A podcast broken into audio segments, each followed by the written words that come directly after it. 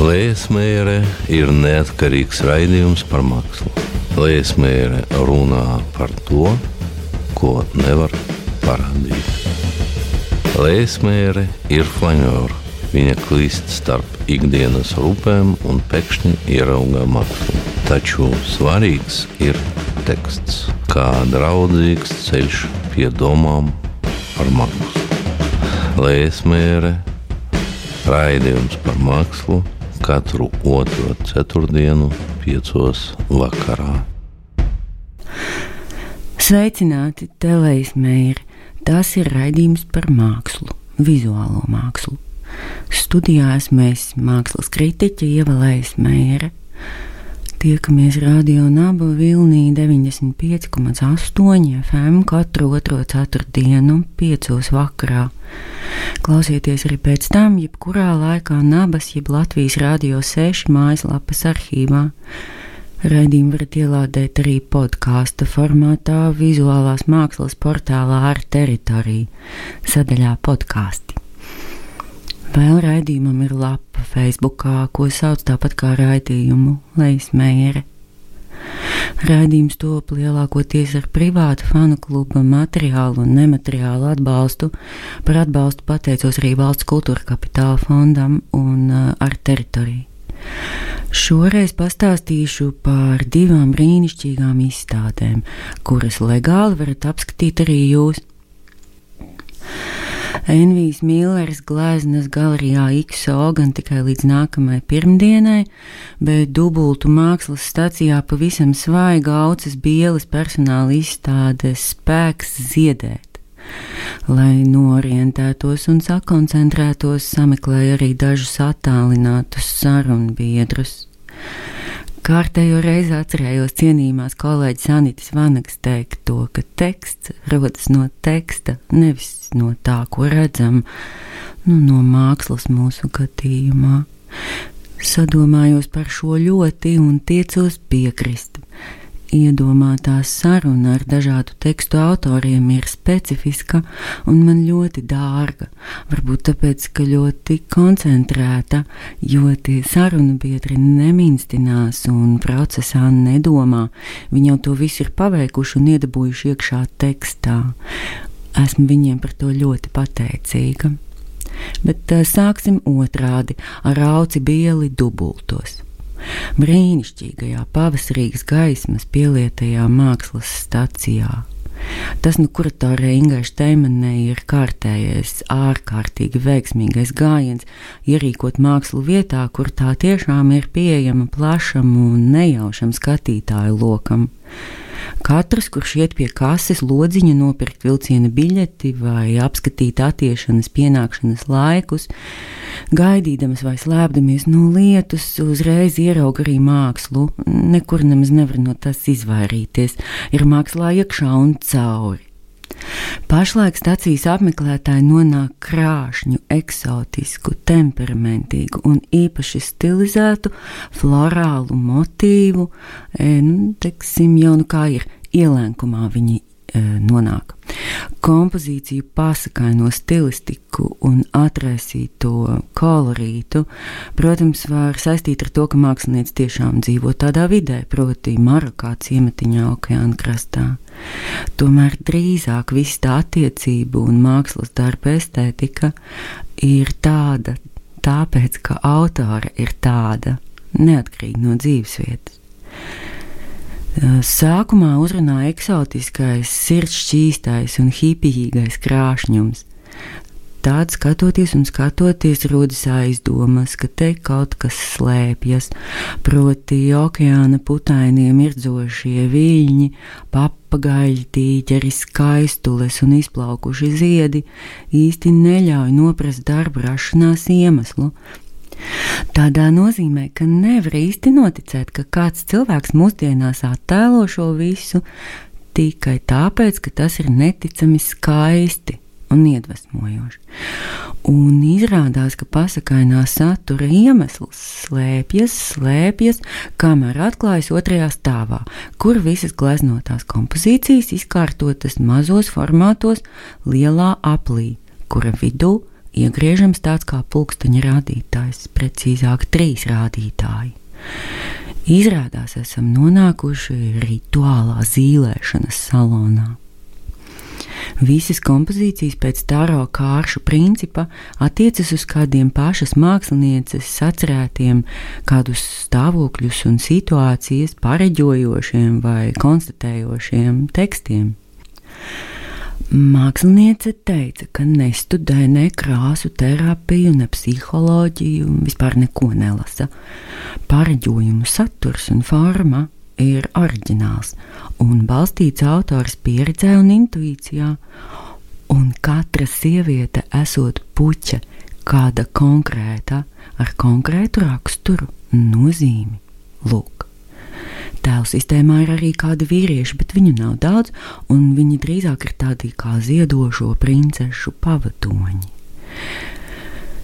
Viņi, melnīgsnēji prinči, pavada gleznu varonas mīlas dārzā vai atved uz okeāna krastu, skatās acīs. Vienā no burvīgākajām kompozīcijām tas arī attēlots. Naksnīga aina okeāna krastā, divi romantiski stāvi un auto, protams. Nevilšs atcerējos pirmā dzīves biedra, pirmo auto, precīzāk tā nogleznota kapotu, no kā toreiz pat drusku snobīgi un vīzdegunīgi kautrējos. Tiesā ar laiku jau pamazām kaut kas par svarīgāko pielic arī stūrgalvīgākajām no kritiķēm, proti, ka palmu ieskauta romantika okeāna krastā ir svēta lieta un nav tur nekā ne banāla, ne naiva. Tomēr šai izstādē atkal sastapos ar saviem aizspriedumiem un aizturēm pret ezotēru saturu mākslā. Taču jauda un kaut kā patiesības sajūta vedina domāt, ka nav tik vienkārši, un uztverē rodas strīdīgs sajukums. Lai viestu te kādu skaidrību, tā kā nāca Jānis Ganģis. Ar viņa tekstu sastapos jaunajā filozofijas žurnālā tvērums. Drusku to pieminēja jau iepriekšējos pāris raidījumos.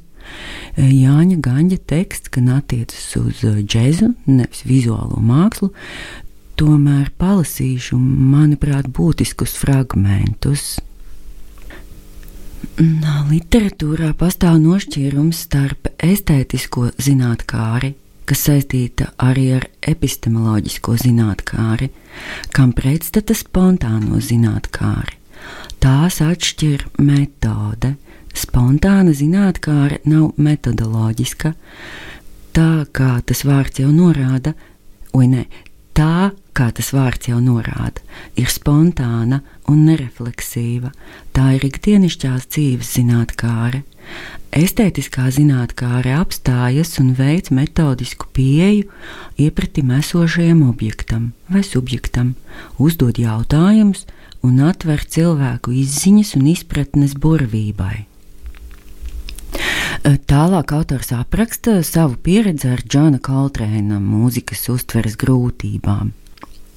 Bet uh, pats tēšu tālāk, uz ko es cenšos ar šo stāstu vedināt, nevis uz absolūtu apgalvojumu par to, kā cilvēks var attīstīt savas izziņas spējas, vai arī uz avangarda mākslas attaisnošanu, bet gan uz vienu metodi, kas cilvēkam var palīdzēt būt nedaudz zinātnārākam, jo zinātnāre, kā jebkura cita spēja, ir attīstāma.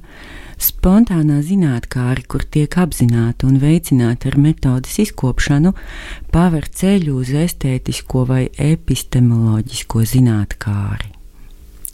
Kaltrēns man iemācīja, ka saskaroties ar ko tādu, kas pilnībā iet pretim tavai izpratnē par to, kā lietām jābūt, varbūt tas nevis viennozīmīgi jānoliedz, bet gan jāuzdod jautājums, kā man būtu jādomā, lai tā varētu būt daļa no manas izpratnes. Tas neliek cilvēkam pieņemt, ka tāda ir lietu kārtība, bet tas iemāca pieļaut cita veida esamību, kas savukārt ir demokrātiskā ideāla pamatā. Atceros savu laiku līdzīgi netiku klāt Miķeļa Fišera, faktiski tikpat ezotērējai mākslai. Tagad esmu pateicīga gan Miķelim Fišeram, gan Haucēji Bielai, jo aizvien skaidrāk un mierīgāk ieraugu tikko pieminēto cita veida esamību. Tātad daudzas bielas personāla izstādi spēks ziedēt, skatieties dubultu mākslas stacijā. Izstāde atvērs rīt, un tā būs skatām līdz 6. jūnijam. À, bet rīt notiks vēl kāds saistošs pasākums, ko arī nejauši rīko žurnāls tvērums, proti attālināta diskusija zūmā ar brīnišķīgu nosaukumu, proti es nesaprotu mākslu.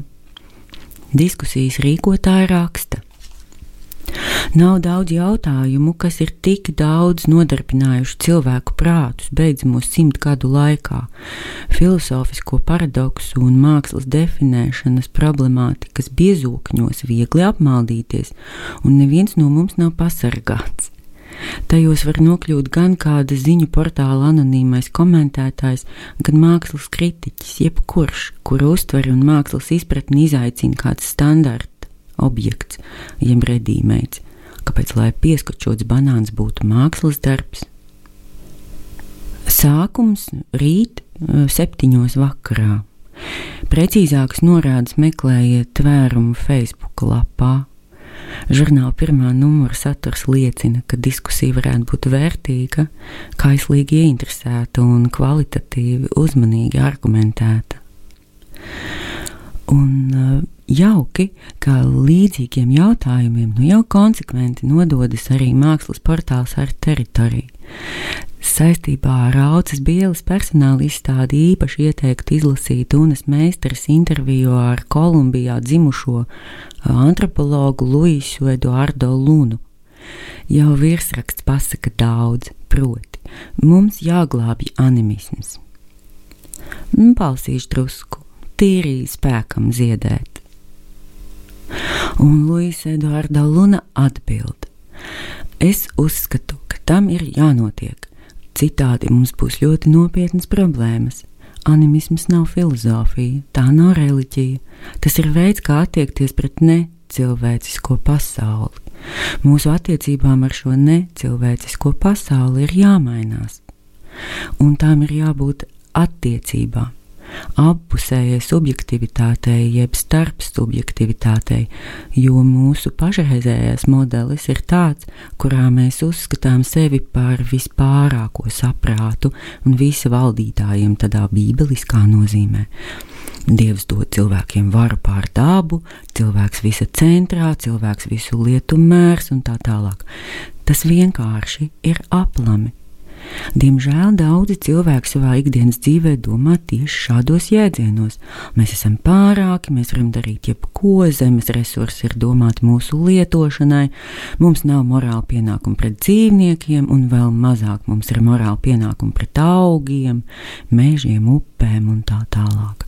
Tikai tāpēc, ka tie ir resursi un nav cilvēki domāju, ka šī arī ir pamata atšķirība starp mums un tradicionālajām kultūrām. Mēs esam kļuvuši tik ļoti apsēsti ar objektivitāti kā zināšanu veidu, ka beigās nokļūstam pilnīgā objektu ielēnkumā. Un priekšstats par smadzenēm kā racionalitātes avotu.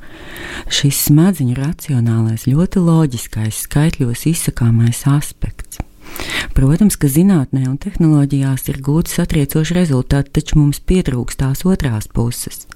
Mums nav šīs tiešās saiknes ar pasauli. Tas ir mūsu lielais zaudējums, jo pasaule nav racionāla. Pasaule ir kas daudz vairāk. Tā ir komunikācija sensorā līmenī, mākslinieckā līmenī, daudzos citos līmeņos. Mākslinieckā noteikti, jo pasaule ir skaista, tajā pastāv skaistums. Tā tik tā par spēku ziedēt.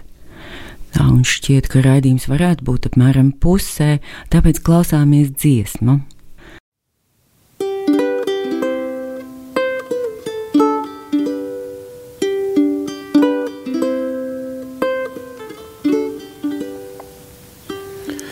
The book of love is long and boring. No one can lift the damn thing. It's full of charts and facts and figures and instructions for dancing, but I,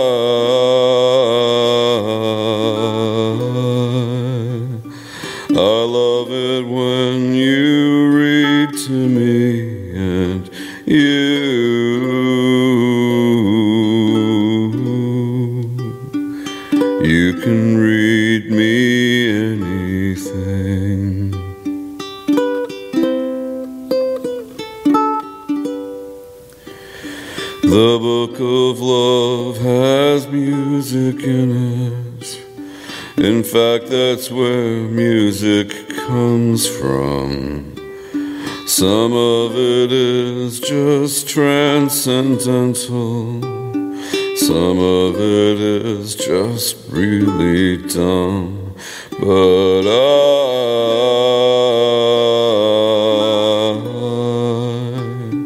I love it when you sing to me and you,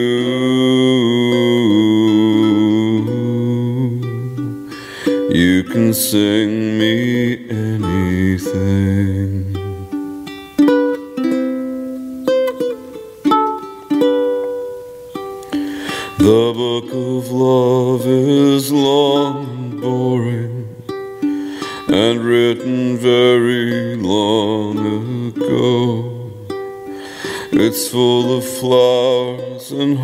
shaped boxes and things we're all too young to know.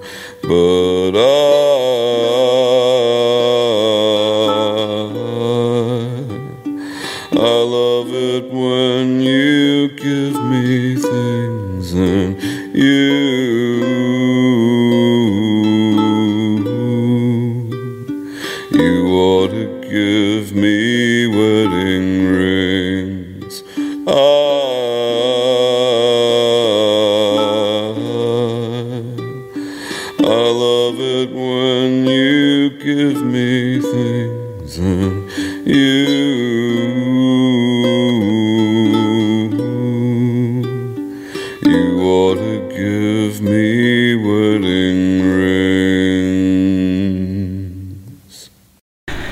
Tā bija grupa The Magnetic Fields. Ne šai, ne citām grupas dziesmām nav nekāda sakara ar raidījumā apskatīto mākslu.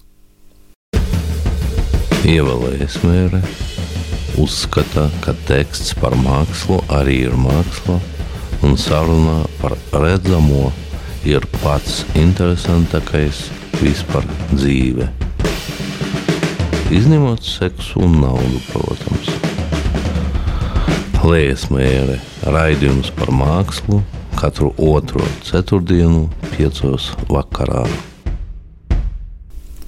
Vai vēl pēc dziesmas ienāca prātā, ka nevar jau nekādu baigo ziedēt spēku gaidīt no auditorijas, kurā aprakstīta arī jau drusku pieminētajā galerijas lau jaunākajā, proti mīlas vēstnesī.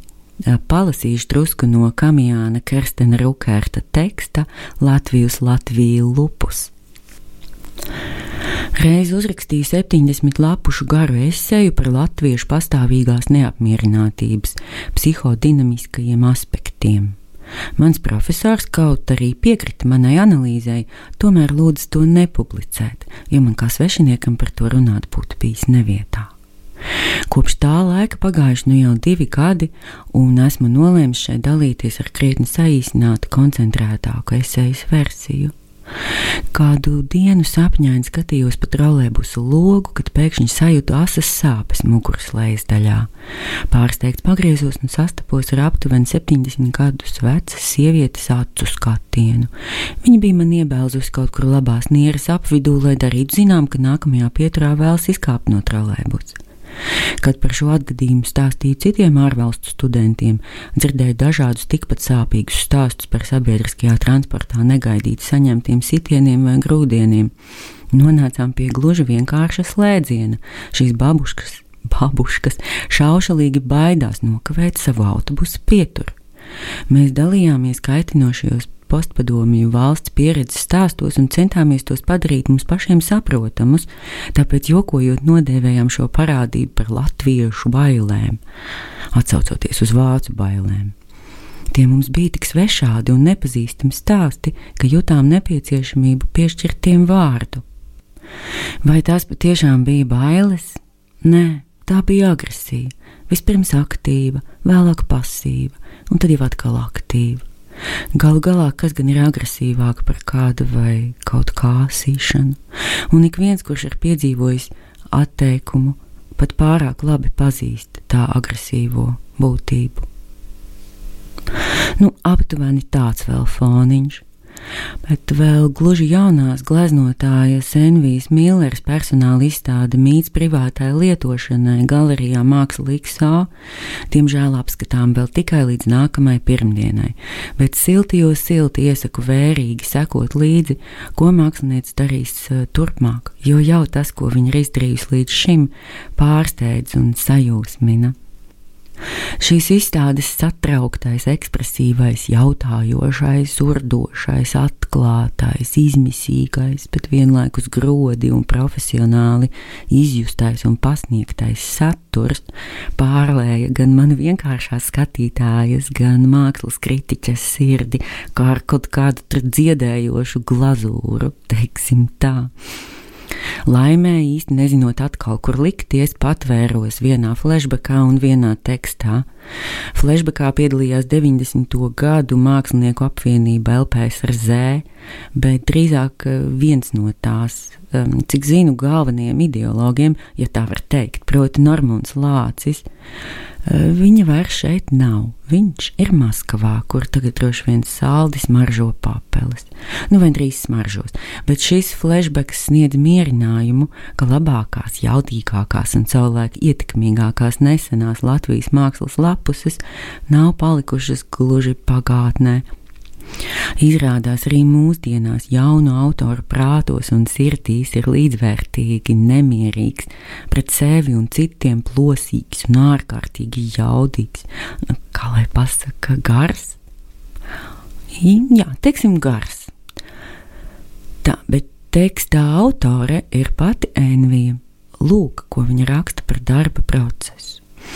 Tikpat izvērsti un analītiski mākslinieci apraksta arī katra darba rašanās apstākļus, un šis ir gadījums, kad teksti par darbiem ir tikpat interesanti kā paši darbi.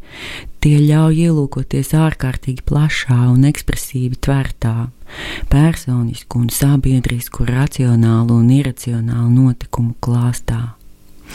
Ielūkojamies tātad radošajā procesā kāda gandrīz vienā teikumā iespiežama ideja, bet tajā pašā laikā neaprakstāma un neizstāstāma līdz galam, tās nozīmību nevar ietilpināt teikumos. Tā ideja kļūst par gleznas narratīvu, karkasu, un tad es to aizrautīgi lieku uz audekla. Pirmajā gleznošanas sesijā ir milzīgs entuziasms un pārliecība.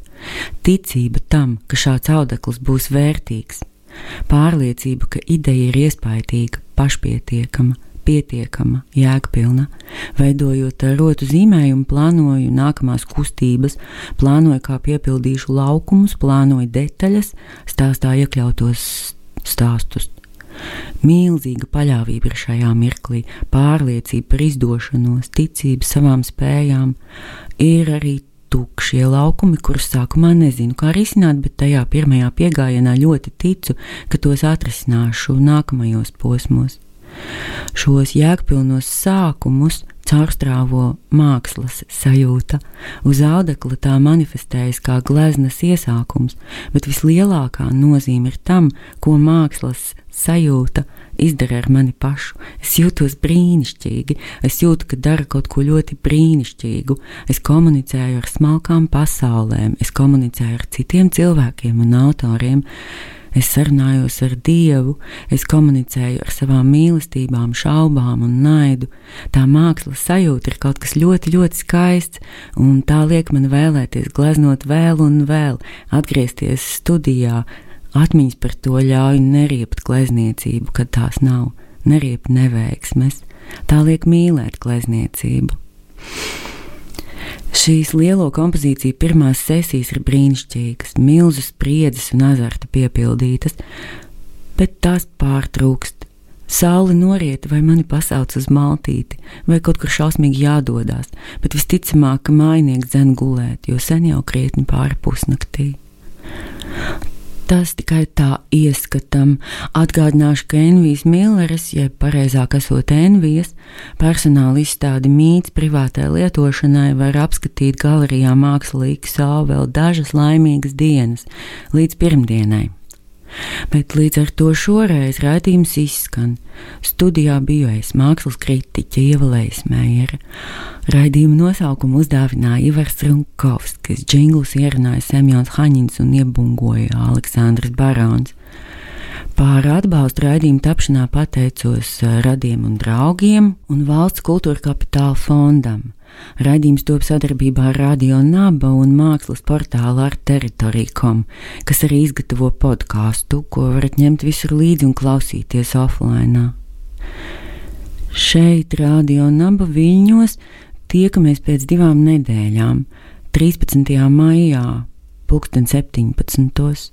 Paldies, ka klausījāties visu gaišu! Liesmēra ir neatkarīgs raidījums par mākslu. Liesmēra runā par to, ko nevar parādīt. Liesmēra ir flanēra. Viņa klīst starp ikdienas rūpēm un pēkšņi ieraugā mākslu. Taču svarīgs ir teksts, kā draudzīgs ceļš pie domām par mākslu. Liesmēra raidījums par mākslu katru otro ceturtdienu, piecos vakarā.